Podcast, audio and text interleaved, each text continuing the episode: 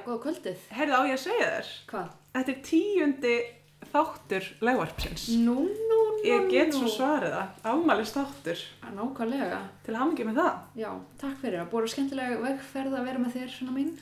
Og vildi geti sagt það sama. Já, en sko, mér var svo gaman að þegar við vorum að fara að stað með legvarpið, Já, ég veit að þið finnst skemmtilegt að vera með mér, Já. Em, ég get ekki lengt í. þá hérna vorum við bara stattir í Svíþjóð, í sólinni.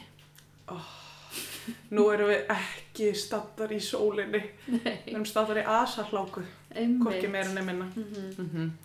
uh, Hvað sem það nú er. Já, það er að hlýna snögglega eftir frost og snjó. Mm Þannig að það er svona slittu, slapp, ofan á klaka. Rigningar, rók, raskat. Algjör viðbjöður, hér í byrjun februar. Um, en góðu fréttinir eru þær að það er ekkandi sól. Það er hækkandi sól og, go- og hérna, nýr legvarpsáttur á leiðinni. Já, uh, við ætlum að byrja að kynna okkur. Sjálf heiti ég Sunna Maria Há. Já, og ég heiti Stefania Ósk M. Já, og við erum uh, ljósmaranemar á loka sprettinum, vægast sagt, Mhm. nokkri mánuður uh, til stefnu. Maður er bara að undirbúa lokaverkefni sitt og, Já, heldur betur. og undirbúa sér andlega fyrir því að, að vera svona, Að bera þannig marka titil. já, einmitt, Spennandi. mikil ábyrð, skemmtilegt. mikil ábyrð sem fylgir þessum titli. Já. Um, áður en ég fæ kveðkast yfir því, þá skulum við kynna efni dagsins. við ætlum að taka fyrir hérna val og fæðingastað sem að við ætlum að krifja til merkjar hérna í dag. Algjörlega, mikilvægt málefni. með sko uh, einum af okkar bestu kennurum, hún Ól, doktor, eh, segum við ekki doktor, Dóttor, Ólöf Ásta Ólafsdóttir, hún er á Mhm. leiðinni til okkar. einmitt, Því stórskemmtilegt spjall um þetta. Já, og fólk heyrir doktor og hérna verður kannski hrætt um þetta sé óbúslegt fræðimanna rugl. Ég vil meina að þetta sé bara skemmtileg hlustun fyrir hvern sem er. jú, algjörlega og bara opna nýja vittir í, í hvernig kannski svona almenningur hugsar. Já, ég held það. Ég held það. Og já, sko, ég vil alltaf meina að Ólaf Ásta sé svona þessi Dumbledore ljósmóðfræðinar á Íslandi. Einmitt, ég, ég hugsa um Jóta, Já. Ég er svona Ég er, ein, Wars. já, ég er ekki jafn mikið nöllu þú, sko. Alin ég er bara, Harry af Potter er mitt, mitt versta nölla, nöllamál, sko. En hérna, já, viskan drýpur af konni, þannig að við ætlum að reyna að fanga, fanga það hérna í dag. algjörlega. Hefnar voru við að Já, fá hana, það já. má segja það. En sko, að því að kemur svo opbúslega oft fram í spjalli um val og fæðingastað, er þetta öryggi, að kona, ko- fæðandi kona upplifi sér öruga, að það sé nummer 1, 2, 10. Einmitt, En hérna, Stefania, af hverju er það mikilvægt? Mér langar bara að við svona rétt rifjum það upp. að því að, að því við hefum ekkert farið þetta. Af því við hefum ekkert talað um uh, oxytósin hér, þessum nýju þáttum. Nei, hvað er málið? Hérna, af hverju er mikilvægt að upplösa örugan? Sko, þetta er náttúrulega þannig að, að hérna, fæðing er náttúrulega svo rosalega efnafræðileg, Mm -hmm. efnafræðileg viðbyrður. Mm -hmm. Og einmitt eins og þú varst að tala um oxytósinni, þá hérna, í raun og veru viljum við fá það í mesta hámarki Ok, framleiðsla af því, sko. ok. Og- af hverju? út af því að sem sagt oxytósin ef við fyrir aðeins svona smá fræði manna dæmið sko Já, þá sest oxytósin á viðtakana hjá á leginu á lagu vöðvan okkar aha. og knýr fram samdrátt Já, sem að um, veldur því að, að hérna, leghálsun opnast. Já, og, og svona badnið sem sagt færist neðar og neðar og, og þetta stuðlar að bara framgangi fæðingar bara legvöðvinn er í rauninni að kreista barnið niður á leghálsinn sem að gengur í gegnum sínar breytingar, Já. opnast og þetta ítir barninu neðar og að lokum út, Já. náttúrulega í samvinnu við mömmuna. einmitt Þannig að við þurfum hríðar til að klára fæðingu. Það Já. er eiginlega svoleiðis Það er- og við þurfum oxytósin til að fá hríðar. Einmitt. Þannig Og að þetta er svona, Þetta er, þetta er gíf- gífurlega mikilvægt og ef að konan upplifir sér ekki öruga á Mhm. þeim stað sem hún er að fæða, mm að þá í raun og veru svona stöðumvast svolítið þessi framleiðsla fyrir tilstilli adrenalins aha. sem að er okkar svona hræðslu hormón. Við þurfum alltaf adrenalín í fæðingu en of mikið af því, Mhm. það er bara, er að vinna í rauninni gegn oxytósin og öðrum hormónum, fæ, fæðingarhormónum sem einmitt. áfram fæðinguna. og, og líka bara ef við förum út í bara sársökuöflun sem við höfum reynda gert nú í Já. einhverjum skemmtilegum þætti hérna, að þá í raun og veru sagt, þetta háa magna af adrenalíni þegar Mhm. konan upplýsa ekki örunga mm veldur meiri sársöka hjá konunni. Akkurat. Að að við fáum þessi náttúrulega verkelif, endorfín, eh, á, á fullt flæði millir hríða þegar að fæðingahómorinn eru í góðum gýr. Einmitt. Þannig að gott að muna það í þessari umræðu að, að sagt, það að kona sé að upplifa sig öruga þýðir akkurat það að það er gott flæði fæðingarhormóna sem að eh, knýr fæðinguna áfram Einmitt. upp og áfram og bara að, hún, að það sé svona það sem við köllum svona viðunandi framgangur og bara að Já. hún drægist ekki um of á langin og Einmitt. konan bara ná að klára þetta án ein- kannski, jafnvel einhver eingreipa sko. Einmitt. þannig að það er svona, mista, þetta er bara svona mikilvægur punktur að hafa í huga Algjörlega og, og ég ætla þessari öryggisumræðu Einmitt og þegar við erum að tala um svona eðlan framgang fæðingar að, það sem að kannski svo fólk átti sig á því að, að ef fæðingin dregst á langin eins og varst að segja að þá hérna í raun og veru er alltaf bara þess hætta á inngripum sem að við viljum ekki. Af því að líka þá eru líkur á að, að konan missi bara móðin eðlilega, Já. þú veist, örmagnist hérna, þurfi á verkjadeyfingu og eitthvað slíkt að halda og þá, veist, aftur á móti erum við byrjuð að fykta við þessi við þetta eðlilega ferli og oft svona eitt yngreim leður á öðru og svo framvegs Og, og barni líka er bara orðið þreytist, Já. kerfið þreytist meiri líkur á uh, áhaldafæðingum, blæðingu, alls konar, þú veist, þannig að ekki það, hér erum við svona aðeins að mála upp einhverja svarta mynd. En, þetta er svona að hérna Þetta er svona. en leiðilegt að vera manneskjan sem færi einhverja fréttir en þetta er svona slæm nei, nei, en þú veist, já, Einmitt, þetta, held að- Skilurðu mig? Já, skilur fólk mig? Eru við ekki bara tilbúin að útskjást? Jú, ég held það. Uh, við erum líka tilbúnar að, að, að færa okkur yfir í viðtalið, góða, þannig að ólefastu Heldur betur. er það ekki? Jú. Herðu, nei, byttur nú við Já, já, já. Herðu, við vorum að, við erum konur á grammið Já, við erum komað grámið.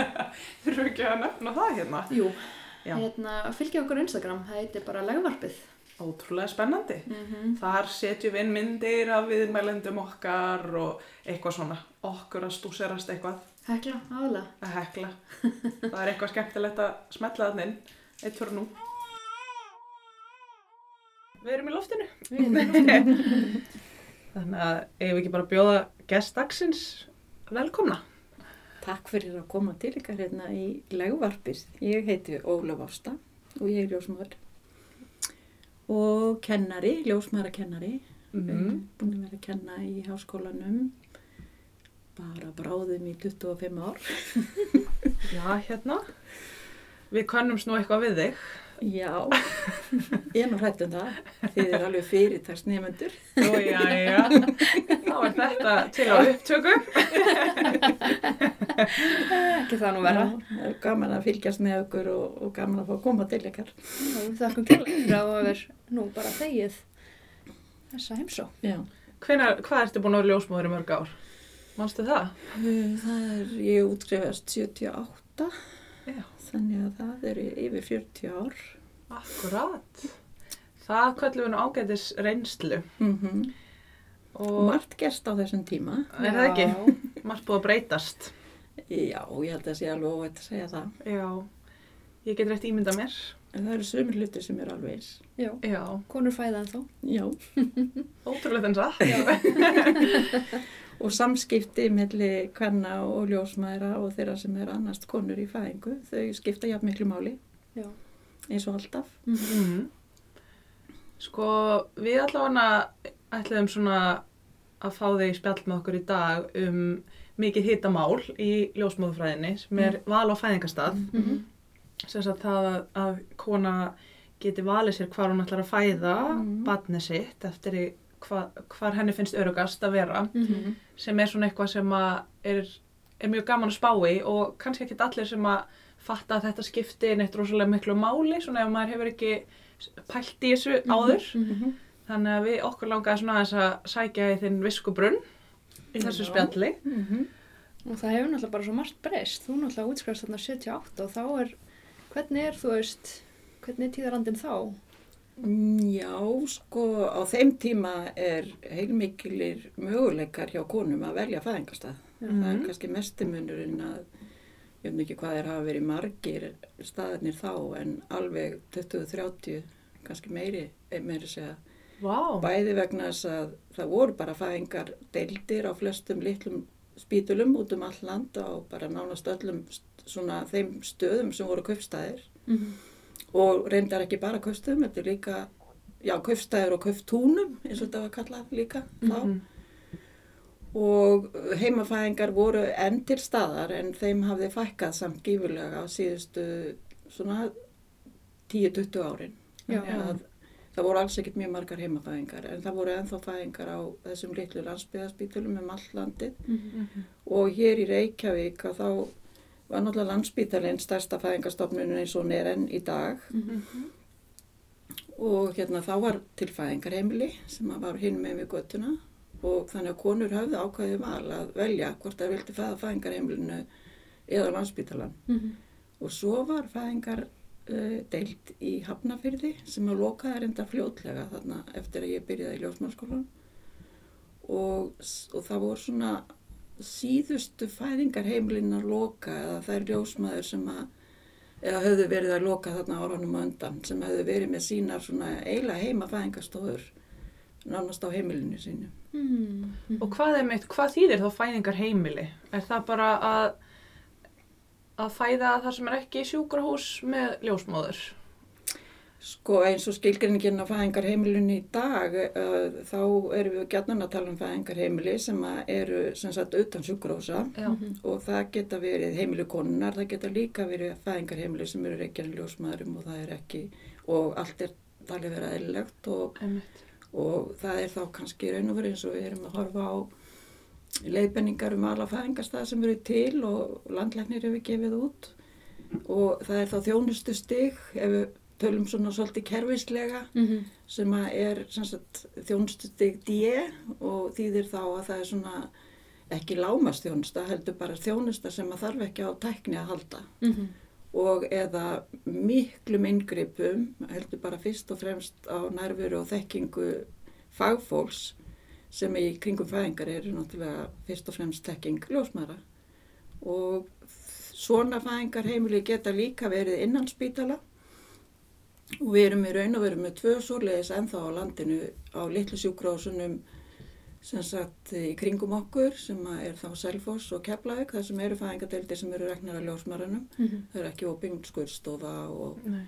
en það er hins vegar ekki nema cirka klukkutími að fara á annan fæðingastaf sem hefur meiri þjónustu, harða þjónustustig Mhm. og það sem er á lægra þjónustustigi er í raun og veru svona það sem að kallar svona hérna, fyrsta stigs þjónusta og svo er, er stundu talað um annar stigs þjónusta og Já, já. semst út frá forvörnum versus að koma í veg fyrir vandamálin Mhm. og hvernig maður bregst við ef það eru vandamál Einmitt. og eins og þið veitir mæta vel að þá lítum við þannig á barnagnaferlið og fæðinguna að, þetta sé eðlugur atbörður og, og hérna uh, ekki ástæða til þess að uh, gera ráð fyrir öðru heldur að þetta sé eðlugur atbörður þanga til annað kemur í ljós Einmitt. og við erum mentaður í því að meta aðstæður með konunni ég tók mynd eftir að þú saðir áðan e, þar sem að konan finnir sig öruga Akkurat. því að það skiptir svo miklu máli þegar við erum að velja fæðingarstað kannski með konu Mhm. það er að spurja hana hva, hverfi finnst þér þú verður örug hvað, hvað myndir þú helst vilja gera Mhm. en þá þurfum við líka á sama tíma að hafa eitthvað að bjóða Einmitt, nákvæmlega. Og líka kannski mikilvægt að, að vita þá, sko, eða þú veist, minnst það líka svona spurning eins og nútíma konan í dag, af hverju finnst henni yfirleitt bara örugt að fara á landsbítalan? Það er kannski af því að við þekkjum svo lítið annað Mhm. og mér svona bara gaman að minna á það að það í rauninni í, mæð, í meðgönguvendinni á ljósmóðurinn að, að opna á þessu umræðu frekar snemma við alla Mhm. og hérna að, að svona kynna þessa hugmynd að, að, að fólk hafi val og Mm. kynna valið. Mm. Ég held stundum að það gleymist Mhm. og það ámeri sér að ég gera tvísvar, er ekki mælst til þess. Já, það er held ég í löfbenningunum Já. handbókinni og Já. jú, við heyrum það að, að það er kannski ekki alltaf farið í gegnum þessa hluti svona Nei. markvist Nei. Og, og einmitt þetta að láta vita af því að nú erum við með fæðingar heimili eða fæðingar stofu í Já. Reykjavík sem opnaði fyrir hvað tveimur eða þreimur árum Já, Akkurat. 2017. 2017, Mhm. Björkin. Björkin Mm. í síðmúla 10 ég er nýbúin að fletta þessu og hérna þannig að það er möguleiki fyrir konur á þessu svæði að hafa samband við ljósmaðurnar þar og verið með þeirra þar setni hluta meðgöngunar og fæða hjá þeim annarkort í stofunni eða heima Einmitt.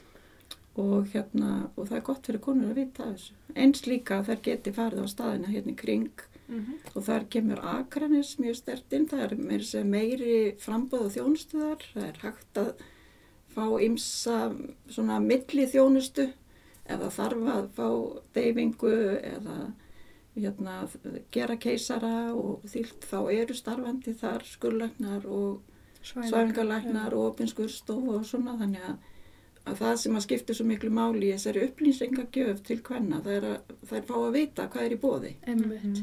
út frá því að taka stefnun á einhvern ákveðin stað. Ég held einmitt að þú veist, maður fær kannski koni meðravend eða meðgönguvend og hún er einhvern veginn bara búin að ákvæða landspítalan Mm -hmm. og þá sé oft rosalega erfitt að um, presentera Mm. í raun og aðra fæðingarstaði af því Mhm. að einmitt það er bara svo margir sem eru stílar inn á landspítalan og ég meina, Það er náttúrulega ekkert skrítið vegna þess að 75% allra fæðinga á Íslandi fara Mhm. fram þar og flestir hafa fæst þar þar mm, Við erum náttúrulega einmitt að verða Og- bara þessi kynsla sem fættist Eru þið ekki vettar á landsbytalanum? ég fætti keflæk. Nú, já. Vá, Mm. ég er bara gamla klísjan, fætt á já. Ekkert merkilega en það. Ljósmónu sem tók á mótum er ennþá að starfa þarna. Mm. Þannig að það er alveg skemmtilegt að vita einmitt til þess. já. Ljósmárinn sem tók á móti mér er vist að vinna, vinna á Selfossi. Ég var að komast að eitthvað það, er- það er. já. Mjög spennt að hitta ekkert tíman. En þetta er einmitt skemmtilegt þegar þið talið um þetta að vita hver tók á móti og þarna eru ákveðin tengsl sem að maður finnur alveg fyrir gagvart börnum sem maður hefur tekið á móti ef maður hefur þekkir þau Einmitt. og í þessu samfélag sem við erum í og af því að við erum ekki með svo kallega samfelda þjónustu sem að allir eru sammálu með að sé það besta að þú Mhm. þekkir konun á meðgöngunni og fylgir henni eftir Mhm. í gegnum fæðing og sængulögu og, og, og að það stöðlega ákveðinu öryggi að, að þekka og, og, og þar með líka að meta hvort það er líklegt að fæðingin gangi vel eða hvort það þurfi að vera með einhvers konar inngrip eða vera á tánum eins og ljósnaður segja stundum Mhm. að því að svo kannski gerist ekki neitt og barni fæðist bara heilbritt og allt í lægi Mhm. en það er svona ymsi hlutir sem að ljósmaðurinn er kannski að fylgjast með á þess að, hérna, að aðrir viti að hún er á fullu að nota sína þekkingu Einmitt. og að ljósmaður eru ekki hérna svona bara góða konu sem situr hjá konunu og veit ekkert í sín haus. Þess að stundum er talað um þegar að vera að tala um heimafæðingar og, Mhm. og ljósmaður í heimafæðingum. En þar kemur inn í kannski þessu mismunandi viðþorf og, Mhm. og, hérna, og því hvað er normið. Það er normið að fæða á spítala og, og við höldum og vitum að það er mjög örugt að fæða á spítala vegna þess að það er allt til alls. En það er líka spurningin hvort það hefur öfug áhrifum að fara að nota ómikið þá tekni sem er í bóði vegna þess að það er til staðar. Einmitt. Mhm. Var ekki einmitt hérna uh, doktorsreitgjana Berglindar Hálfdóns um heimafæðingar, þú veist, þá gerði hún einmitt svona samburðaransók. Kom ekki einmitt sem í raun og veru niðurstöður þar liti ljósa að það er bara jafn örugt, ef Mhm. ekki örugara að fæða heima fyrir konu og barn. Eða hvernig var það? Jú, það hafa náttúrulega margar rannsóknir verið gerðar víða í heiminu sem að hérna, þar sem er verið að bera saman heilbriðar konur. Það Mhm. verður að taka fram í upphafi að þarna þurfum við að vera bara saman Heilbriðar konur Mhm. og sem að velja að fæða annarkort heima eða velja að fæða á spítala. Mhm. Og það er alveg munur á inngripum og útkomu með hjá þeim konum sem fæða á spítala þar sem að öll þessi tekni er til staðar eins og ég var að segja á það Mhm. og þeirra sem að fæða annar staðar og, og, og það þýðir þá þar með að það er verið kannski verið, að, verið með óþarfa yngripp eins og við segjum eru, og, og vegna þess að með yngrippum koma fylgikvillar og, og þetta er eitthvað sem verðum að skýra vel út fyrir konu í maðuravendi mitt eða meðgönguvendinni Mhm. og er svolítið mikið okkar hlutverk. Mhm. þá er eins og hægt að nefna blæðingu og Mm. nótkun hríðararandi livja í Mhm, fæðingunni mhm, sem að mhm. getur oft svona leitt af sér alls konar Já, já. Og nótkun líka einmitt mænróta deyfingar, þetta er Mhm. svona, svona þættir sem eru oft, oft nefndir í Já, og það er alveg sláand að sjá munin og svona já. Mhm.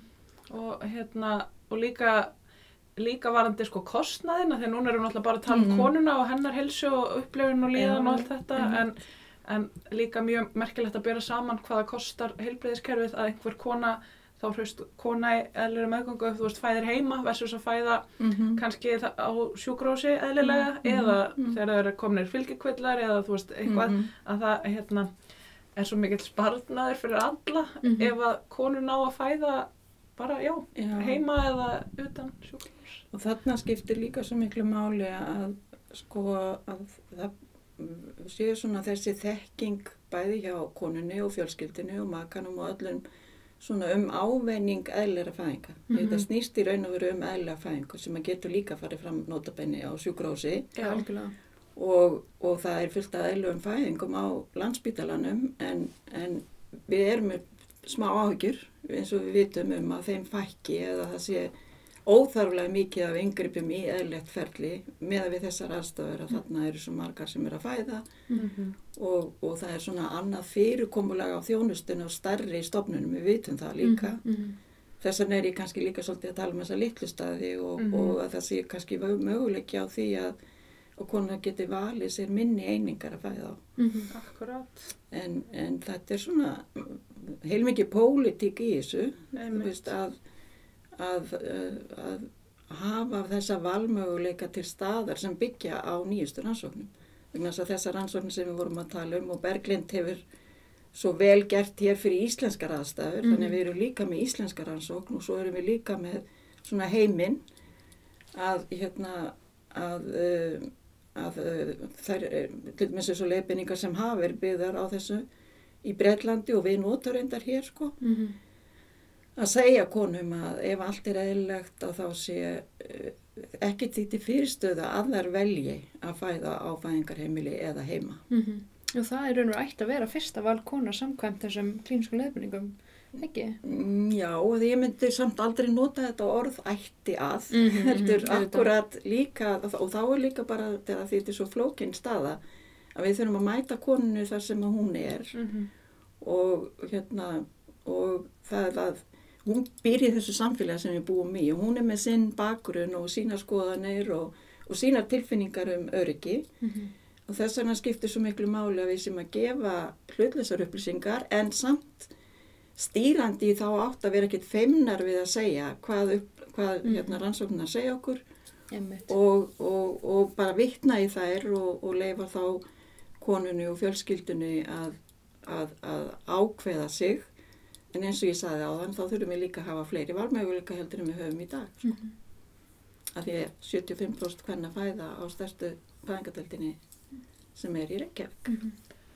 Er það ekki rétt hjá mér með hérna eins og til dæmis í Hollandi þar sem Mm. ég veit að það er oft hort þangað mm -hmm. að þá að, að minnst okkosti var það þannig eða hefur verið þannig að fyrir þessar hraustu konur í Mhm. eðlilegri meðgöngu Mm. að þá í rauninni sé svolítið svona hérna Mælst til. mælst til þess að þú fæðir annarkort heima eða á, á svona fæðingarheimili þar sem eru ljósmæður og þú þurfir í rauninni að grei- greiða aukarlega ef þú Mhm. ákveður að, að, velja, að, að velja það að fæða veist á hátakni sjúkrahúsi Mhm. er, er það ekki, hefur það ekki verið Jú, þannig? jú, og þetta er svona kannski Já. þessi stýrandi að því að, því ég saði þetta að nota orðið ætti sko að, Mhm. að þá er það kerfið sem er stýrandi sem byggir á rannsóknarniðurstöðum Mhm. og bestu mögulegu þjónustu Mhm. að, að hérna ef þú ert að þarna á þessum stað að þá, þá ferðu þanga og það hagkvæmt fyrir alla eða þar að segja heilbríðskerfið í heil. Mhm. En það er eins og aðteglisvert að því að hérna, hollendingar skera sig úr að þeir hafa verið sko með cirka 30-40% hérna, heimafæðingar mjög lengi þanga til bara núna síðast áratvíin að þá er heimafæðingum að fækka þar Já. og þá er svona svolítið kannski bara þjóðfélagslega rýni sem þarf að fara fram af hverju gerist það og er eitthvað breytt í samfélaginu sem gerir það að verkum að konur velja kannski þetta ekki og eru þá tilbúna til að borga að því að þeir telja að vera örugara Mhm. þið veitir að fara á spítala Mhm.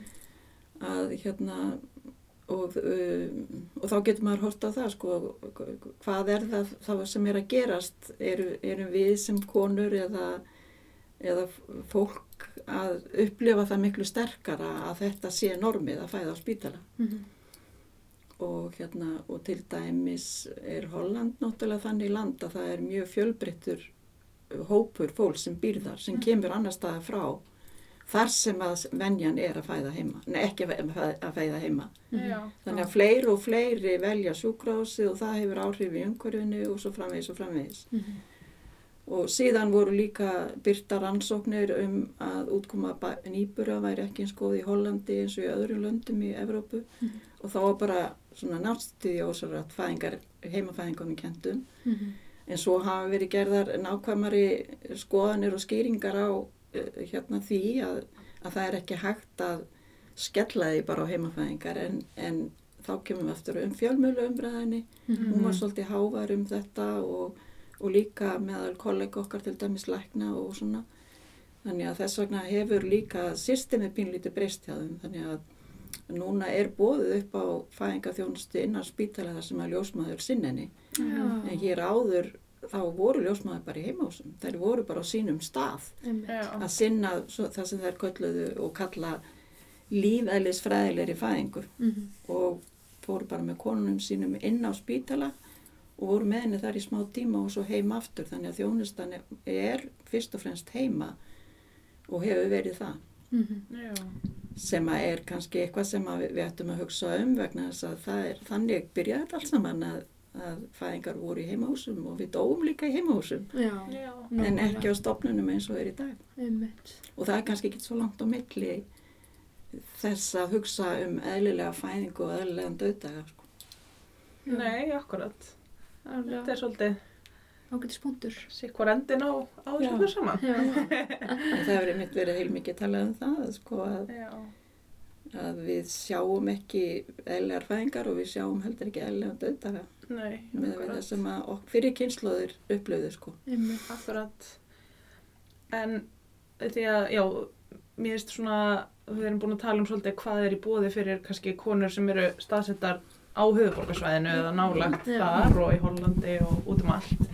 En hver, hver er svona veruleikin fyrir konurnar sem eru bara á landsbyðinni? Þú veist að, að hérna, það eru, ég var einhvern veginn svona að hugsa að fara yfir það áðan, þú veist hverjir fæðingastæðinir eru og svona og það er alveg rosalega langt á milli sumstaðar og eins og bara heilu og halvu svæðin einhvern veginn séu svolítið bara ekki, ekki með sko. Mhm.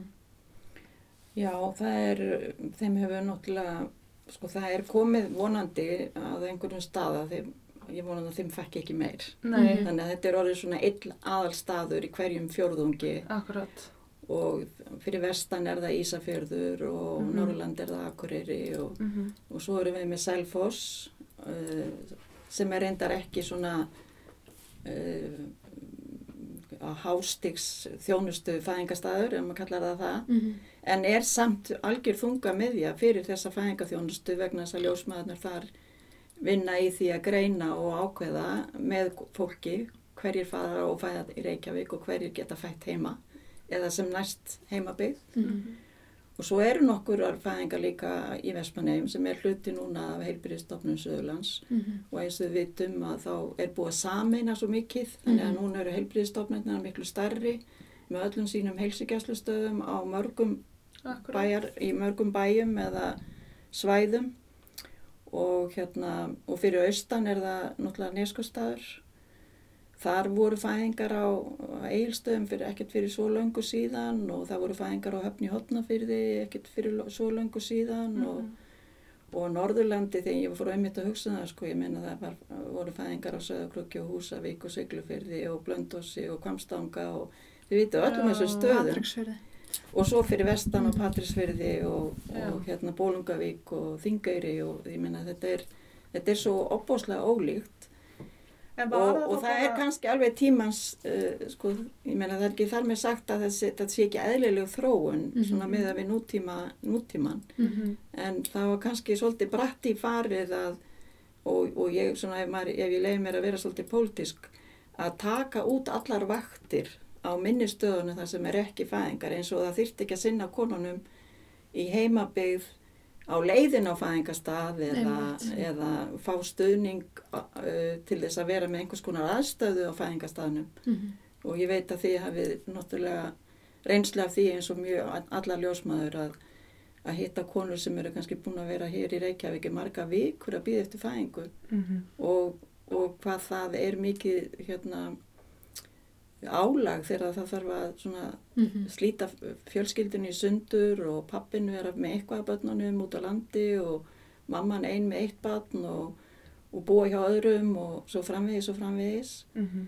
Þannig að þetta er ekki auðvelt að koma þessu fyrir að hugsa um svona hvað er hægt að gera. Einmitt. Og ég held að eina ástæðan fyrir að fólk fyrir svona snemma er það að, að það vantar fagfólk á í heimabyðinu sem að er tilbúið bara til að líta eftir þeim þar Mhm. Akkurat, og fara bara setna suður eða setna í burtu. Og, og hérna og það er svolítið skrítið að, að hvernig forgangsröðunin er í heilbríðiskerfinu að, að við sem konur og hérna sem að göngum um börnin og, og, við, og þeir feður sem eru með okkur í því fáum ekki þessa þjónustu sem næst okkur eitthvað sem er svo mikil svona grunnþjónusta Mhm. En þetta er svona einhvern veginn ekki það sem að, og þetta er náttúrulega bara partur af fyrirbyggingu og heilsugjastlu sem að hefur svona verið svolítið eftir á og, og meira peningur farið í, þið vitið, vandamálun eftir þau gerast í staðin fyrir að Fyrirbyggja. sinna þeim eh, sko heima og á, þeim stað þar sem að er næst heimabyðin. Sko. Mhm. Svo hefur maður heyrt að þessar ljósmaður sem að starfa út á landi að, að þú veist, það var, hefur svona verið notað kannski gegn þeim ef það er eitthvað svona, einhver Mhm. raukraði gangi um að, hérna, að það bara sé ekki tilefni til að halda úti ljósmaravakt að þú veist að það er alltaf hort á bara fæði að það eru bara svona fáar fæðingar Já, og, en að þú veist meðgangan eru er nýju mánuðir og, og líka Já, náttúrulega allt sem tengist fæðingu og eftir fæðingu og það er, ljósmaður eru að sinna konum og fjölskyldum á svo ótrúlega löngum, Tíma. tímabili Já. þannig að ég veit að þú veist það er oft búið að breyta sko úr fæðingadeild yfir í veist, ljósmæravakt og Mm. verið að reyna einhvern veginn að setja þá fleiri hluti þú veist undir Mhm. hennan Mhm. hatt til þess að bara raukstiðir hennilega að, að það þurfi að hafa ljósmóður á launum Mhm. hér og þar Einmitt, þó að það sé ekki endilega verið að fæða þar akkurat. Mhm. Og þetta er aftur svona þessar tölulegu upplýsingar hafa svo mikil áhrif. Það er verið að Já. telja fæðingafjölda kannski í staðin fyrir að telja meðgöngur eða, Mhm. eða horfa á badnegnar þjónustu. Mhm. Við köllum þetta nú og tölum oft um badnegnar þjónustu vegna þess að hún er, þetta er yfir allt badnegnarferlið og ekki bara badnegnarferlið, þetta er líka á undan Mhm. og svo eftir. Þannig að það getur tekið ákveðin tíma í að verða óléttur Mhm. Akkurat. og eða undirbúa sig fyrir það og það er hægt að veita ymsa þjónust á heilsugjöslustöð varðandi þá þætti, heilsuefling og annað eins og við vitum og, og sömulegis eftir á með ungu fjölskyldinu þegar hún er að byrja að ala upp sitt barn og verða til og þarf sinn stuðning og svona. Þannig að það er svo mörg verkefni sem er fyrir bæði ljósmaður og hjúkunarfræðinga við um land í heilsugjöslustjónustunni og ég held að það væri mjög mikilvægt að setja upp svona eitthvað kerfi þar sem að væri uh, vaktir þannig að það gætu verið tværi ljósmaður á hverjum stað og skipt með sér verkum og, og, og það gætu verið bakvaktir og eitthvað svona og, og, setja það bara svikalust inn í, inn í kerfið. Mhm. En það er náttúrulega aldrei gaman að segja frá því að, hérna, að það er reyndar verið að vinna vinnu í hérna, heilbríðsaránundinu núna þar sem að er verið svona að setja fram svona ákveðna stefnumótun í batningarþjónustu Mhm. og vonandi kemur eitthvað út úr þeirri vinnu með það svona að skilgreina þjónustuna á hverjum stað Mhm. eftir því í ákveða landsveið og ert og líka hérna í Reykjavík þannig að konurnar í Reykjavík getur líka fleiri valið að fæða á fæðingastofu eða utan spítala af Mhm. því að það er svo mikill ávinningur sem felst í því. Mhm. Heldur að nútíma konan myndi, landsbyða konan myndi kjósa að fæða í heimabyggð ef það væri bóði á fleiri stöðum? Nú veit ég ekki, en um, ég se- hef nú tilhengu til að segja já, að Mhm. það hefur aukist, eh, sko bara, að við sögum áðan, sko, að heimafæðingunum hefði fækkað þarna upp úr 60 og voru bara nánast engar svona framundir 90 Mhm.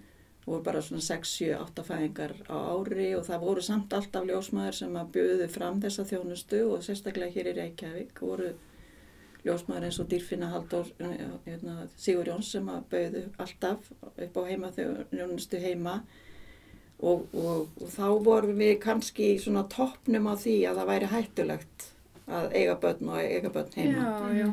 og við hefum náttúrulega ekkert farið að ræða ennþá um fæðingar óta og öryggi og allt mögulegt sem spilar þarna inn í. Mhm. en, en hérna og svo voru fleiri ljósmaður sem komu á eftir dyrfinu sem að buðu heimaþjónustu eða heimafæðingar. En svo eftir 95 að þá svona fóru þessu aftur að aukast. Og í dag er sem sagt eh, 2% fæðinga á Íslandi heimafæðingar Mhm. og það telst sko að vera frekar hátt Mhm. með að við, til dæmis Norrlöndin, við erum á sama stað þar eins og Danir og, og svona bara almennt í heiminum. Mhm. Þannig að íslenskar konur virðast velja heimafæðingar Mhm. og, og sko hafa áhuga á því að, að vera með eðlilega fæðingu og, og ég held að þessi 10% sem hafa líst áhuga á að fæða heima en gera það svo ekki. Það var 20%, við vorum einmitt að Voru skoða. 20%? Já. Við, að Við það vorum 10%. að skoða þennan, fyrirlestu sem að Berglind Já, ég veit að þetta kom fram Já. í, rannsókninni sem líka batnegn og heilsa Já, sem að var svona stór rannsók sem að var gerð með 1300 konum og, já. og þá velti maður sér ma- velti maður því fyrir sér sko akkur, er ekki Já. fleiri þá Einmitt. en það er líklega frambóðið sem að vantar þarna Svo er það líka sko, hefur, ma- he- hefur við heyrt af því ef við tölum við konur sem hafa ákveða að fæða heima í björkinni eða Mhm. eitthvað að það náttúrulega hafa allir, allir svolítið skoðun á því og oft er það kannski Mhm. bara foreldrar foreldrana Mhm. eða bara Mhm. einmitt uh, bara konur aflifaðar í saumaklúpum eða nefna þetta eða eitthvað hefur einmitt. bara kannski annarkost einhvern veginn ekki alveg fundið kjarkin í að, í að Mhm. bara taka ákvörðununa eða bara Já. þurft hreinlega að halda henni útaf fyrir sig og, og reyna einhvern veginn að að hafa það alltaf því bara já, undir yfirborðinu sko. Mhm. Það er meira sér að stemningin á suðunissunum hefur maður heist sko, en Mm. sem er náttúrulega bara það sama og í raun og vera að fæða heima Já. eða fæða í björkinu sko. En það er nefnilega út í það er norm eða ætti að vera ákveð norm Já, að fæða já. á HSS En þá komum við líka inn á það að það er ótrúlega afskipta sem er bara í samfélaginu gagvart konum á meðgöngu að Mhm. að það er eins og það megi allir skipta sér af eða hafa skoðun á því hvað þú gerir mm Akkurat. Það er þegar þú náttúrulega- ert að fara að eiga barn og, og jafnvel segir það og þær finna fyrir þrýstingi og, Mhm. Og eiga sig ekki sjálfar ég var einmitt að lesa núna nýlega þessa sem að við þekkjum líka okkur fer fólk og, og þreifar á bumbum Einmitt. Mhm. þið vitið hjá konum sem að eiga barn og á þess að það sé beðið um það eða Mhm. þú Akkurat. veist það er alveg gengið inn á svona þetta svið Einmitt. og hérna þannig að okkar hlutverk er þá náttúrulega mjög mikið að vinna með konum og, og stiða þær svolítið í sínu vali og, mm og hérna opna umræðina. Mhm. Við vorum einmitt í mjög áhugaverðum svona tíma núna í síðustu viku hjá marg nefndri Berglindi Haldáns við þurfum eiginlega að fá hana þetta. já klárlega en það var um svona alls konar siðferðislega já, áleitamál og þá, þá var svona Varðandi val og fæðingarstað. já Mhm. og líka varandi svona réttarstöðu óléttrar konu versus bara réttarstöðu fóstursins í rauninni Já, já. Ófætt ófætt spasjá og að það, að það hérna einhvern veginn að það eru ekkert allir þú veist það er ekki bara eitt rétt varandi að líta þú veist á þessa stöðu og Mm. þú veist að, að hérna kona tæk einhver ákvörðin sem einhverjum finnst vera óskynsileg gagvar banninu en, Mm. en það er ekki alveg þetta er ekki alveg svona hérna, Klippt og skorið. já Nei, ekki svona klift og einmitt. Og að, að konum er alveg frjálst að velja að fæða á einhverjum fæðingastað þó að ráðleggingar Mhm. ráðleika eitthvað annað og þú veist, hún, hún á bara sinn líkama og sitt, þetta er hennar ákvörðin eða svona, Einmitt. að, að það er einhvern veginn e, við erum búum við eitthvað svona raunveruleika þar sem þetta er ekki alveg, það er ekki pláss fyrir þessa pælingar, Nei. eiginlega. Nei, það er náttúrulega rosalega mikil Já, Já, já. gagvart uh, þunguðu, uh, Já. hérna, já, barnshafandi konum. og það eru náttúrulega ein og ein kona, það er náttúrulega kannski mjög lítið um það á Íslandi en nýbúið að vera pínu svona í fjölmjölum, ein og ein kona sem að velur bara að fæða ein með sjálfur sér af því að já. hún finnur ekki öryggisitt neins í neinu af, af þjónustu Nei. þjónustun sem er í bóði, svona fríbörð sem að er það ekki bara frekar algengt svona sum, eins og það er í bandaríkjunum Það er og- algengara líka þú einmitt á stöðum þar sem að, að það er ekki heilbrískerfi sem að, að sko, samþykir við. þetta og stiður við og býður upp á þjónustu í heimahúsi og Akkurat. það er í raun og veru það sem við erum svolítið hrettar við að, Mhm, að, hérna, að, að því að þá er ekki búið að fara fram áður einhvern svona faglegt mat með konunni. Og, og það er líka okkar skilda semst að gefa konunni eins miklar og góðar upplýsingar eins og hægt er. Mm En síðan er það okkar að standa með henni og það er líka ástæðan fyrir því að við erum að vinna allstaðan með konum og öllum stigum og öllum fæðingastöðum -hmm. og byrjum virðingu fyrir hennar vali til dæmis inn á, á landsbítala Mhm. En, en þar getum við líka haft alls konar val Mhm. og ég meina þar eru líka vassfæðingar og, og þar erum við að styðja konu til að fæða eins eðlega eins og mögulegt er og, og svo framvegis og framvegis Mhm. og í ágættu samstarfi þá við læknana þar og, og við þurfum svona einhvern veginn að ná samhljómi með það að finna út hvað er besta ákvörðinu fyrir konuna uh, og styðja hann í því ekki bara við heldur líka Nei, já, annað hérna akkurat. heilbíðsfagfólk. Einmitt.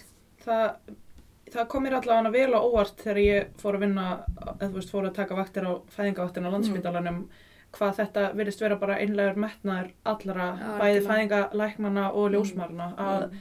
að aðstofa konur við að fæða eðlilega eins og Mhm, hægt er og að halda bara inngripum í eins miklu lágmarki og hægt er, veist, Mhm. ertu ekki sammála því, Stefania? Jú, mér finnst það bara standa svo ofbúrslega vel ljósmætnar og bara fæðingalæknin er rosalega Já, flottir og í raun og veru með svipað hugssjón og ljósmæðurna Mm. því að núna vorum við að ræða áðan að, að ljósmæður eru í raun og veru kannski með þá sér þekkingu að líta á þennan hlut sem Mm. mm. helbriðstarfsmæður Já, að sé eðlilegt Já. Mhm. á meðan að, að þú veist læknar gera það ekki Eða læknisfræðilega mótilið Einmitt. versus ljósmáðufræðilega mótilið eða þetta- félagslega mótil sem að, en þetta er í grunninn svona Mhm. en svo eru náttúrulega alltaf variasjónir og einstaklingsbundið hvernig við vinnum en í læknamódulinu eða læknisfræðilega módulinu þá er þetta svolítið meira hærisk en það eru læknar mentaðir í því að hugsa um sjúkdóma og vandamál og bregðast við þeim þannig að þeir eru alltaf að leita að þeim.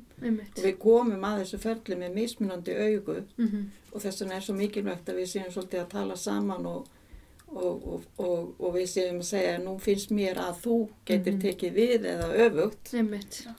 Og, og ljósmaður þó að þær séu sérfræðingar í eðla ferlinu þá náttúrulega getum við líka greipið inn í og gert fullt af hlutum Mhm. inn á spítala sem að, e, og verið færar í að taka móti sittjanda eða e, týpurum eða hvað sem er, það er ekki bara læknarnir sem eru þar. nei, nei, einmitt En það var svolítið í, í Hollandi eins og þú veist að tala um áðan að það var svolítið klift og skorið að eftir varst komin inn á spítalan þá tók bara læknirinn við Mhm. einmitt og ljósmaðurnar voru þá ekkert að sinna öllum konum, er bara eðlum konum. já, já, En við erum þannig hér á Íslandi að við sinnum öllum konum.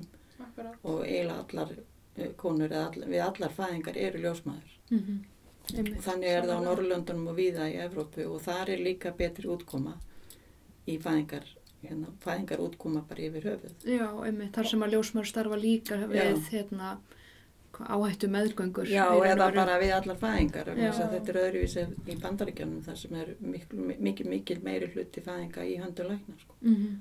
Og mér finnst maður bara mjög oft vera í fæðingu hérna á landsbytala með konu sem er í áhættu, einhvers Mm. konar áhættu fæðing, samkvæmt einhverjum skilgrinningu sem fæðir ljúflega og eðlilega Mm. og bara hjá ljósmaðurum þó Mm. að kannski fæðingarlæknirinn á vaktinni viti af henni og það Já, eru akkurat. allir með á hreinu að vera í, einmitt í einhvern veginn á tánum og það er ákvað eftirlit í gangi en, en svo bara gengur það allt saman mjög vel fyrir sig sko en, en það er samt kannski svona mælt með því að hún sé á þessum stað út Mhm. af einhverjum ákveðnum þáttum. Mhm. Man alltaf finnur að það sjá bæði konur og ljósmaður mjög mikið eftir reyðrinu svo kallað sem að var þarna á landspítalanum, Mhm. eiginlega bara hinum, á, öðrum, hinum einn við gangin, þannig séð, Mhm. nokkrar fæðingastofur, það ekki, Jú, sem voru bara ljósmæður að sinna konunum og þær voru þá hraustar. já, það var svo kallað hreyður og, Já. og, og þannig að það var kannski auðveldara einmitt fyrir konuna að geta sagt þegar hún kom inn, mér langar til að fæði reyðurina því ég vil fá eðlilega fæðingu eða Mhm. mm óska eftir eðlilega fæðingu. Já. Og hérna, og það eru margar ansóknir sem segja okkur það að það sé best að aðskilja þessa hluti, Mhm. vegna þess að það, þe- eins og ég var að segja áðan, það getur orðið svona hálfgerð smitun, Mhm. þið vitið þegar allt er á sama stað Algjörlega. og auðvitað erum við held ég hér að, að reyna að gera okkar besta en nú veit ég til dæmis að það er byr, á að fara að gera úttækt á því uh, í sambandi við fjölda eðlera fæðinga áður en að reyðri hérna lokaði og eftir. Já. Að þá fáum við kannski einhver upplýsingar í, alvöru um það Einmitt. hvað hefur gerst á þessu tímabili frá því að reyðri lokaði hvort að það hafa orðið einhverja breytingar Akkurat. og en svona í heildina séð hérna held ég að það hafi ekki verið nógu gott að, að loka reyðrunu Nei. og margar konur sjá eftir því og ljósmaður líka. Hver var svona ástæðan fyrir því, eða svona að þú, að þú haldir? Að það lokaði. Já. Já, það eru örgulega margar ástæður og, og kannski fyrst og fremst svona stopnanalegar eins, og, eins og ég var að segja, sko, þarna fæðast alveg rosalega mörg börn og, og það var tekin ákvörðin um að, að reka þessar tvær deildir saman undir einni, einum hatti og, og að það væri hægt að stýra þessu svona svolítið og stýða við eh, bæði eðlilega fæðingar og, og sinna óðurlum fæðingum eða ekki óðurlum fæðingum, heldur bara þeim sem væri með einhvers konar áhættu. Og hérna og eins reyndar heyrði ég svona rauk sem að mér fannst nú svolítið sérstök en ég veit ekki hvort að það var einhvern útslita rauk að, að þetta væri svo vinsælt að það geti ekki allar konur valið þetta og það væri mismunum. Mm Mm. Ég var einmitt búin að heyra líka, sko. Þú varst að fiska eftir þessu. Ég var að fiska eftir. Rétt En svar. stundum, en stundum sko fer raukræna hugsun með okkur svona í vittlisum sko. Mhm. Það við ættum frekar að hugsa hitt að fjölga þessum kosti svo allar hefðu möguleika að velja. Já, mér finnst Og það það er væri- væri... ákveðin þessum, sko. Já. Já.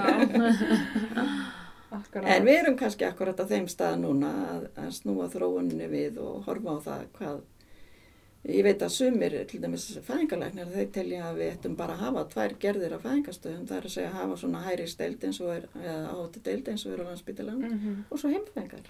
Já. Einmitt. En svo held ég að margar ljósmaður og konur vilji kannski hafa eitthvað, millistig Einmitt. Akkurat. og séu öryggari. Allt snýst þetta með öryggi, ekki bara þetta öryggi með eh, lí, þetta líkanlega og að fæðist heilbriðt barn og, og kona sé heilbrið og svona heldur líka þetta svona innra andlega öryggi Algjörlega. Mhm. sem er svo mikilvægt. Mhm. Hefur þú einmitt sko, ef maður hugsa sér svona þetta innra öryggi líka ljósmóðurinnar sem er í Mm. fæðingu, hérna allar þessar ljósmaður sem voru kannski aleinar að taka á móti einhvern Mm. tíman bara á sigló eða hvað sem það nú var, Mm -hmm. heldur að þær hafi bara einhvern veginn verið bara þær stóluðu bara á sína innri þekkingu og, og heldur að þær hafi verið smekar smekari en við sem erum kannski að vinna á landsbytala í dag með, með hjálpina handan við veggin einhvern veginn Sko ég held að, og nú er ég bara að tala svona Mhm. út frá mínu hyggjuviti, ég held Mhm. að alla ljósmaður séu smekar. Já. Og við, sem sagt, ættum bara í raun og veru að viðkjanna það vegna þess að þetta er svo mikið vakt starf Mhm. og við erum í alvörunni með lífið í höndunum.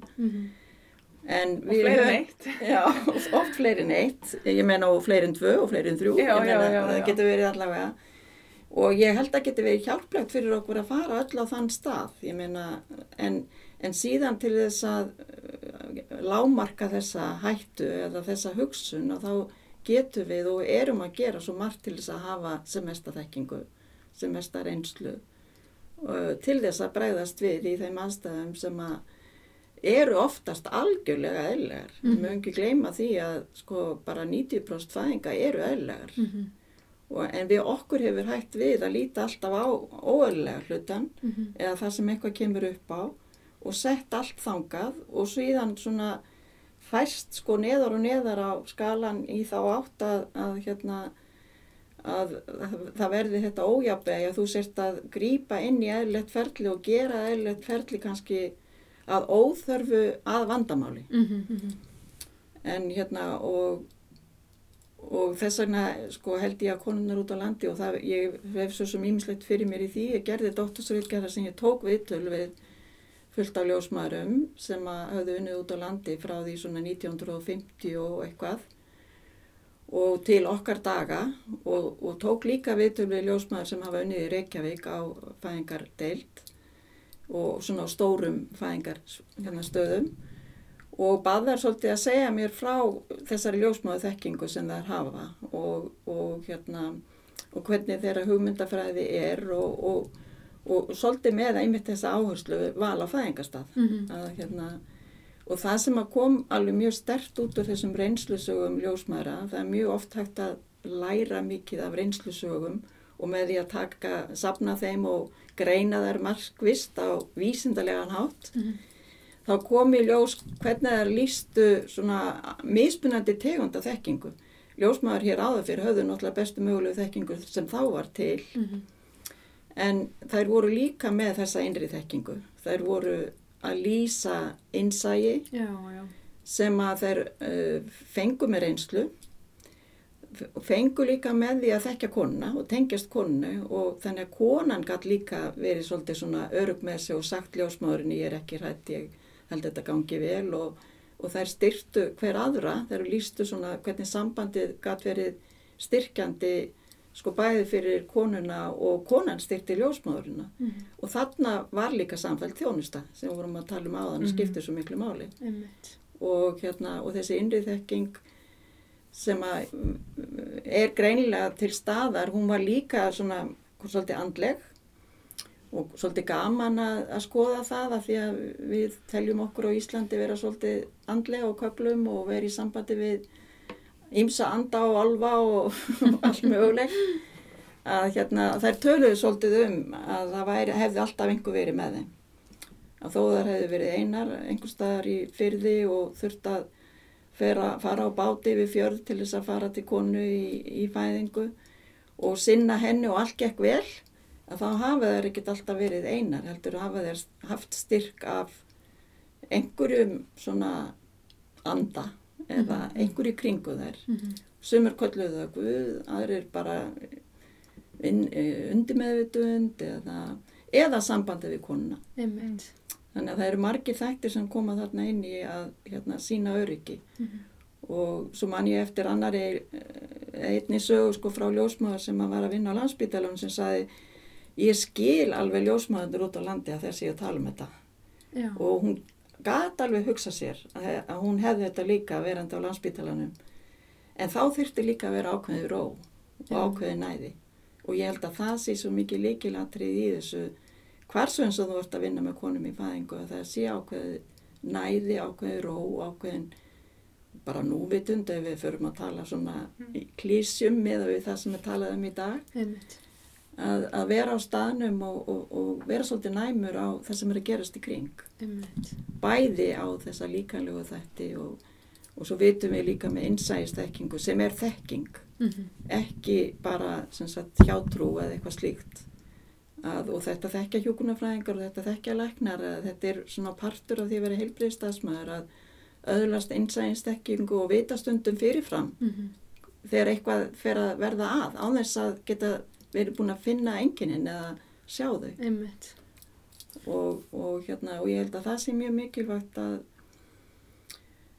að hérna, mun eftir þessari þekkingu þurfum við að tala um öryggi á fæðingastað og val á fæðingastað og, og hérna, þess vegna er líka mikilvægt að, að konur og fjölskyldur getur svolítið svona valið sinn fagmann í fæðingum. Mm -hmm eins og þið vitið þá hefum við oft talað um þú veist, akkur getum við ekki valið ljósmáðurina sem með okkur í fæðingu eins og við veljum hálfgjörnslukonuna eða mm -hmm. tannlæknin eða hvað. Nákvæmlega og við þyrtum að hafa svoleiðis kerfi að maður fengi að velja Já. Já. eða þar að segja maður hefði möguleikan á að að fá þessa samföldu þjónustu og við höfum svo sem gert tilraunu með það að vera með svona hóp þjónustu margara ljósmaðura eða svona one to one vitið mm -hmm. og þannig var það náttúrulega í reyðurinn að hluta til fyrst mm -hmm. í svo kallari MFS einingu mm -hmm. sem M og F og S það stýðir semst meðganga fæðing sengulöga og því náum við til dæmis í björkinni af því þar þekkja alla ljósmaðurnir, alla konur sem koma þangað og mjög mikla líkur á því að konan sem tekur á móti sé einhver sem að þú þekkir eða vitir af eða hafið hitt Mhm. og sama er út á landi á þessum litlu stöðum að það er meiri samfælt þjónusta þannig að það ríkir líka heilmikið öryggi sko. Mhm. Ég finn það til dæmis eins og Akureyri sem Mhm. er þó alveg þokkalega stór -hmm. fæðingastaður og alveg hátekni sjúkurás og allt þetta. Já. Það, mér finnst það miklu ofta sem að það er hérna, ljósmaðurnar þekkja sínar konur og Mhm. oft byrja rapportið á hverja vakt á því að hérna, þekkir einhver þess og þessa og -hmm. þær leggja sér fram um að, að raða sér á konur sem þær þekkja og eru ofta að taka á móti kannski í þriðja sinn hjá sömu konunni eða þekkja þær úr mæðravend eða af deildin einhvern veginn, það er bara mikið algengara Mhm. og maður finnur hvað bæði ljósmaðurunum og konunum þykja væntum þessar Já. tengingar sko Algjörlega. og er ekki eins í Keflavík og eh, þú veist Jú, bara rosa mikið sko. Já. Það var einmitt svo gaman, ég var í verknáma þarna í bara janúar, bara þegar mesta óveðri var. en þá voru einmitt hérna hópur af uh, skjólstæðingum hérna ljósmaravaktarinnar þar sem kom bara með í raun og veru gjafir og fjármagn til að þakka fyrir þessa Mm. þjónustu og, og svo gaman að hlusta á sagt foreldrana, sem Mm. nýbökuð foreldra að segja þú veist það bara má ekki leggja þetta niður Mm. við erum bara að reyna að í raun og veru koma að framfæri þetta þakklæti að, að, að með því að Mhm. í raun og veru styðja við þetta Mm. þú veist að láta vita að við sem hópur úr Mm. samfélaginu hér viljum hafa þetta Mhm. til staðar þannig að það var svolítið svona mjög áhugavert sko Mhm. En það er líka gaman, ég fór einmitt upp á hérna fæðingarvaktina á landsbítalanum um daginn og þá voru það nýbúnur að fá, Mhm. þið vitið, alveg rosalega mörg kort Mhm. frá Þetta- foreldrum sem voru að þakka fyrir sig og hérna á öllum deildum landsbítalans, Mhm. myndir af börnunum og persónulega kveðið til ljósmáðurinn sem tók á móti. Já. Og þetta segir okkur og okkur tekst ímislegt þó við séum á stórum fæðingastað og, og samfellt þjónusta er ekki endilega alltaf að þekka nákvæmlega konuna, heldur líka við segjum að segja sömu hlutina einmitt og, og þar erum við líka að hugsa sko er ég var með þess að konu í morgun ef þetta eru langar fæðingar, hún tekið við um nóttina Mhm. og, og allt þetta og líka ef að ljósmaður hafa verið að vinna í maðuravend meðgönguvendin og þekkja þekkja konuna þaðan og eru svo konur á vakt á landsbítalanum að þá, Mhm. Þá er margar leiður til að ná þessu að þekkja Mhm.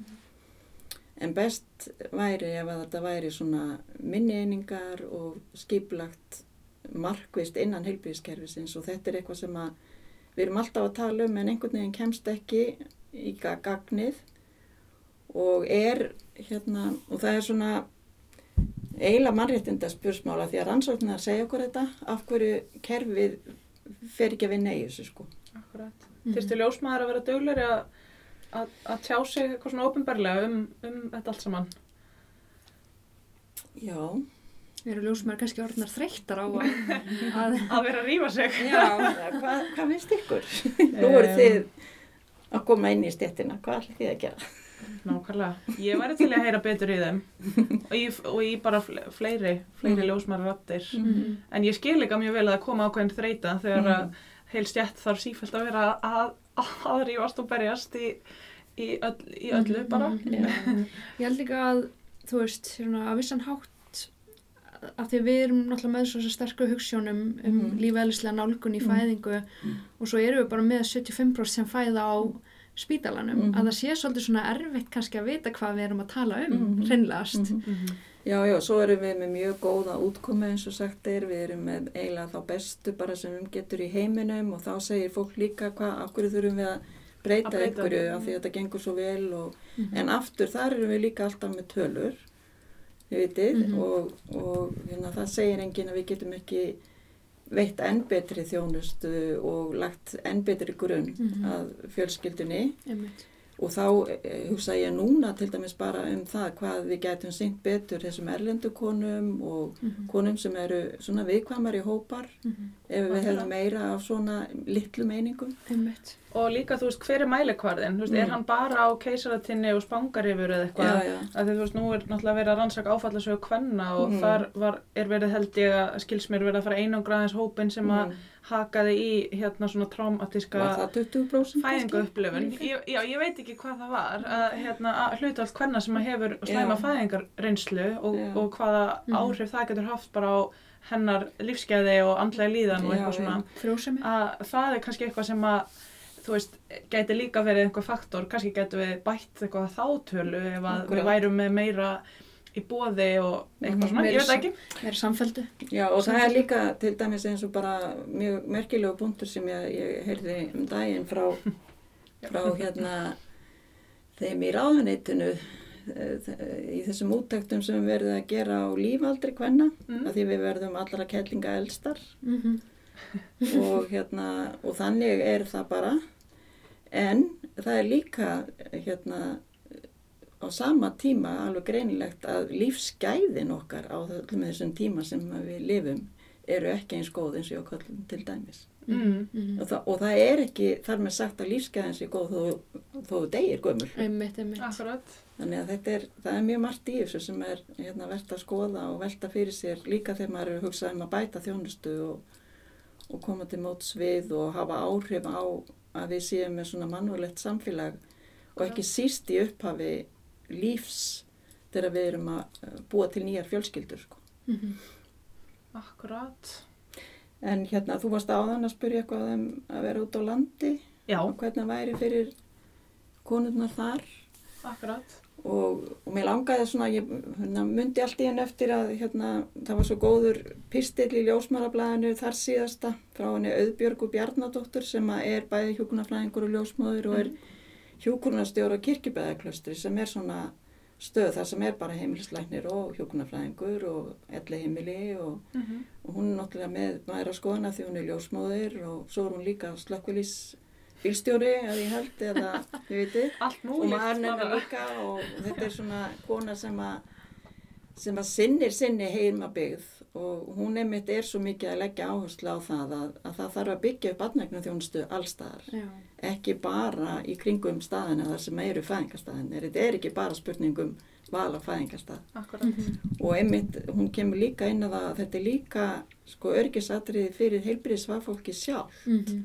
að þau fái að vera saman í hóp að vinna eh, að málum, heilbriðismálum og hún fekk nú reyndar fólkaorðuna núna í, í sumar og það var fólk í hennar heimabrið sem að sem tilnemdi hana, sem Mhm. voru þakklátt fyrir hennar störf og, og, hennar, og þar kemur hennar bakgrunnur svo vel í ljós og, hérna, og það var reyndar náttúrulega merkilegt að núna um daginn að þá var önnur ljósmáður, Guðrún Hildur Bjarnadóttir á hinu hodninu sem er frá Svalberði í Þýstilfyrði og hefur búið þar og verið að sinna í sinni heimabið fólkinu á Norðausturlandi Mhm.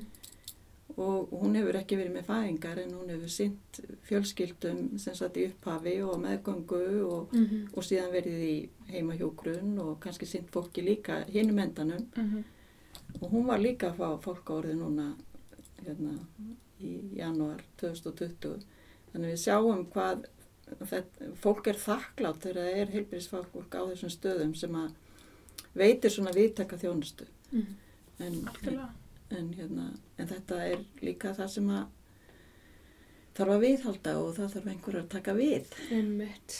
Maður má ekki láta þess að konu bara nút. Nei. Og þær eru náttúrulega alltaf að sækja sér veðrið, sko eru farinnar að taka leghálskrabamenn strókin út á landi, suma ljósmaðurnar og gætu núna að fara að bæta við sig Getnaðarvarnar, það já. er ímislegt svona í sambandi við kvenna heilsu Já. og náttúrulega líka og fyrir ungt fólk og, Mhm. og svona þannig að þessi starfsmaður sem að hefur svona fjölþættan bakgrunn og er að vinna á heilskjöfstöðum á landsbyðinni er bara mjög mikilvægur Mhm. Það og snýst ekki þýrt bara að um alltaf að vera tvær. Já, að þetta snýst náttúrulega ekki bara um að grípa börn, þó Nei. að það haldi það margir. Já, einmitt. Þannig að við erum bara hérna að senda pepp á allar alla ljósmaðurnar út á landi sem Já, eru já. bara að halda uppi mikilvægum störfum já, halda uppi Mm. góður þjónustu mm -hmm. í sínum samfélögum algjörlega En hvað myndum við, hvað myndum þið vilja segja við konur sem að, hérna, er að fá ráðgengur um val á fæðingarstað? Akkurat. Mér mér finnst maður mjög oft heyra þessar spurningar. Af, Mhm. hverju, af hverju ekki að fæða bara á spítalanum? Mhm. Af hverju ætti ég að fæða í Keflavík þegar ég Einmitt. get kert? Mhm, Einmitt. og hvað ef ég var flutt og mhm, Hvað ef eitthvað gerist? mhm. já, einmitt Vitum það við er svörin við alltaf- þessu? það er alltaf spurningin eða hvað ef eitthvað gerist Mhm. en við náttúrulega ég myndi náttúrulega mm, láta konu vita ef hún er heilbrið og hraust Mhm, í eðlæri meðgöngu og Mhm. allt lítur vel út þá þá einhver veginn svona er ekkert til fyrirstöðunar Mhm. að hún fæði mhm. ef henni líður sem best þar Já. ef hún Mhm. telur sig vera örg þar það er kannski svona fyrst og fremst mikilvægast eins og við höfum bara nefnt Mhm. hérna bara hvar til þú vera örugast Mhm. og svo auðvitað þarf maður að kynna það fyrir konuna því að líklegast kemur fyrsta hugmyndin upp þá er það landsbytalinn Mhm. Og það eru líka bara ákveðin þægindi sem félast í því að eins og þegar maður er að byrja í fæðingu, sérstaklega Mm. maður kannski að gera þetta í fyrsta sinn, að, Mhm. að geta farið stutt af vegarlengt að Mm. hitta ljósmóður sem að einhvern veginn metur aðeins með manni hvað er að Mm. gerast og getur ráðlagt og allt Mm. þetta í staðin fyrir að þurfa að vera að keira þú veist, þó það séu 40 mínútur Mm. það er ekkert rosalega langt, en það er samt eitthvað Mm. eða bara, já, en þú veist mögulega er þetta ljósmóður sem þú þekkir og svo eru miklu meiri líkur á því að það Einmitt. sé samfæld þjónusta og þú sért búin að koma inn á fæðingarstaðin Mhm. eins og þú til dæmis ert í Keflavík að þá ertu búin að vera að sækja þér meðra vendina þarna og, og eitthvað svona, þekki ljósmóðurna og einmitt bara að þú hérna upplifir þá, líklega að þú upplifir eitthvað öryggi þar Mm. og þar sem þú upplifir örygga þar flæða bara fæðingarhormónin best og einhver líkurnar á því að, að Mhm. Fæðingin klárist aðlilega hátt. allt gangi vel. Mm. Eh, Ljósmaðurnar eru náttúrulega þjálfaðar í því að vita hvenar það þarf eitthvað meira Mhm. og þær eru alltaf að hugsa nokkur skrifa fram í tíman þó það líti út fyrir að vera bara einhverjir hressir hippar sem eru bara að Já. sitja og er veita félagskap. Það er einmitt líka svarið spurningunni ef eitthvað gerist að þá gerist það yfirleitt ekki svona rosalega hratt. Maður hefur alltaf svona einhver tíma og það er það sem allar rannsóknir segja okkur að. Akkurat, að algengasta ástæðan fyrir flutningi er það að þú þurfir verkjalif eða, eða mænurótadeyfingu eða eitthvað slíkt Einmitt. akkurat, sem er náttúrulega bara veitt á, á þannig stöðum einmitt. og þá er líka búið að full reyna og þá vitum við alveg að, Mhm. að það að Að, að, að fá meiri aðstóð er Mhm. bara æðislegt. Já. Ég meina við vildum ekki verið í þeirri aðstóð að, að það hafi ekki verið, að þessi ekki neitt til staðar. Nei, algjörlega. Og hérna þannig að oft segja heimafæðingaljósmaðurnar til dæmis það er ágætt að byrja hér og svo sjáum við til. Einmitt. og það kemur á óvart að þegar er verið að spurja konur hvernig reynsla það var að þurfa að fara að flytjast Einmitt. að þá er það ekki slæm reynsla yfir höfuð. Nei. vegna þess að þá ertu eh, þá er, er það ekki upplifað og á ekki að upplifast sem einhvern ósögur. Er þetta er bara ellegt Mhm, Einmitt.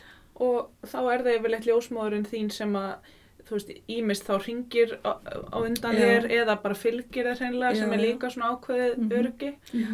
og líka náttúrulega að það eru náttúrulega alltaf ákveðin svona bráða uppákomur sem að bara allir sem að starfa við fæðingar hjálp ha, kunna kunna eru þraut þjálfaðir í að Já. bræðast við Já. og eh, hafa bara held ég alltaf bak við eirað Mm. þannig að þú veist ljósmæður kunna bræðast við öllu Mm. og við búum við þann raunveruleika allar bóðleiðir og flutningur er Mm. bara rosalega stuttur og einfaldur og það er mjög mikilvægt að horfa á það í íslensku samfélagi og vera bara mjög ánað með mm heilbrískerfi sem við erum með hvað Já. þessu leitinu því að til dæmis eins og viða í bandaríkjunum þar sem að eru slæmar útkomur úr fæðingum að þá er ekki þetta kerfi til og þá tala ekki kerfin saman og Nei. konan veit ekkert hvert hún á fara eða, og, og það er kannski tókstreitt á milli og mm -hmm. ekki samvinna og svona Mhm. en ég held að við séum svolítið á sömu blaðsíðu hér svona heilbrísfagfólk en En við þurfum svona kannski aðeins að endurskipuleikja kerfið okkar til að gera það einn betra. Einmitt. ég held að geta verið sammála um það Mhm. Mhm. Um, ég var eitthvað að spekulera hvort þú vildi segja eitthvað að lokamálu ásta. eitthvað sem þú vilt koma framfæri sérstaklega. Já, ég veit ekki, ég er nú búin að sitja hérna og tala og tala og tala. en það er ekki bara- Það er svo sem ekki einn ein punktur, sko. Ég held að þetta hafi kannski bara verið ágættis, loka orð að, að hérna, við getum alltaf gert gott kerfi betra og megin punkturinn í, í, hérna hvernig við svona nálgunst þetta með val og fæðingastað, það eru samskiptin við konuna, mynda ákveðin tengsl við hana og átt okkur á því hvað það er sem að eru hennar óskir og sama tíma gefin allar upplýsingar. Mhm. Þannig að hún viti um það sem getur komið í kjölfar yngripa, líka að hún viti hvað er ávinningurinn er af því að fæða eðlilega Mhm. og, og hérna, en, en bera mjög mikla virðingu fyrir því sko, hvaða bakgrunn hún hefur og, og henni íslenska konu, það eru 50% eða 40 og eitthvað prosent íslenskra uh, frumbyrja held ég, eða allra hvenna, nú eru þið betur í tölunum en ég, Mm. sem velja mænuráttutæningu. Það er held ég 65% allra hvenna, Já, 45% frumbyrjur, eða ekki? þetta er, Nei, Nei, 65% frumbyrjur. já, við þurfum að fletta þessu. ég þetta ekki. Nei, ég manna ekki heldur. En En þetta er allavega mikil tíðni og það segir okkur að, að ljósmaður, nei að, að konur sko velja þennan kost kannski vegna þess að þeir eru uh, meðveitar og, og hrættar við sársökan eða vantar meiri upplýsingar til þess að styrkja sig á meðgöngu til þess að takast á við sársökan Mhm. Einmitt. og það er einmitt ný grein að koma út núna sem að ég tók þátt í að skrifa sem var, er svona lýsing á á, á, á konum í heimahúsi sem að fæða í heimahúsi og gera ekki ráð fyrir verkefliðum af því að þær eru heima Einmitt. og það er svo gaman að, skoða það hvernig hugsa þær og hva, um hvað eru þær að tala þegar að þær hérna, ákveða að fæða heima varðandi sásöka og þá segja þær allar þó að sásökin sé alveg hrikalegur og það sé sko hérna, að þá eru þær alveg til í það? Ef þær eru heima hjá sér í öryggi í góðum tengslum við hérna, maka sinn sem að við höfum náttúrulega ekkert geta komist inn að tala um sem að skiptir alveg gífulega miklu máli og ljósmórina sem er á staðnum sem er fagleg að þá og, og að fæðingin er að ganga áfram. Veist, það er einhver framgangur eins og við segjum. Mhm. að þá, þá er hún ánað og ég held að þetta eigi nú eiginlega við allstað hver sem þú hérna, ert að fæða barni ef það er framgangur og þú ert með fólki kringu þið sem þið ekki væntum og, og ert að fá faglega þjónustu með við þínar óskir að þá þá sé öllum borgið Einmitt. Er það ekki bara frábær loka orð? Það held ég nú. Bara þakka þér innilega fyrir komuna. Takk fyrir að það hérna bjóða mér. Gaman að fá að vera hérna með ykkur framtíða ljósmaður landsins, Íslands. Íslands. Akkurat. það eru við. Stutt í það, stutt í það. Þeir vera út. Það verður að styttast í það, já.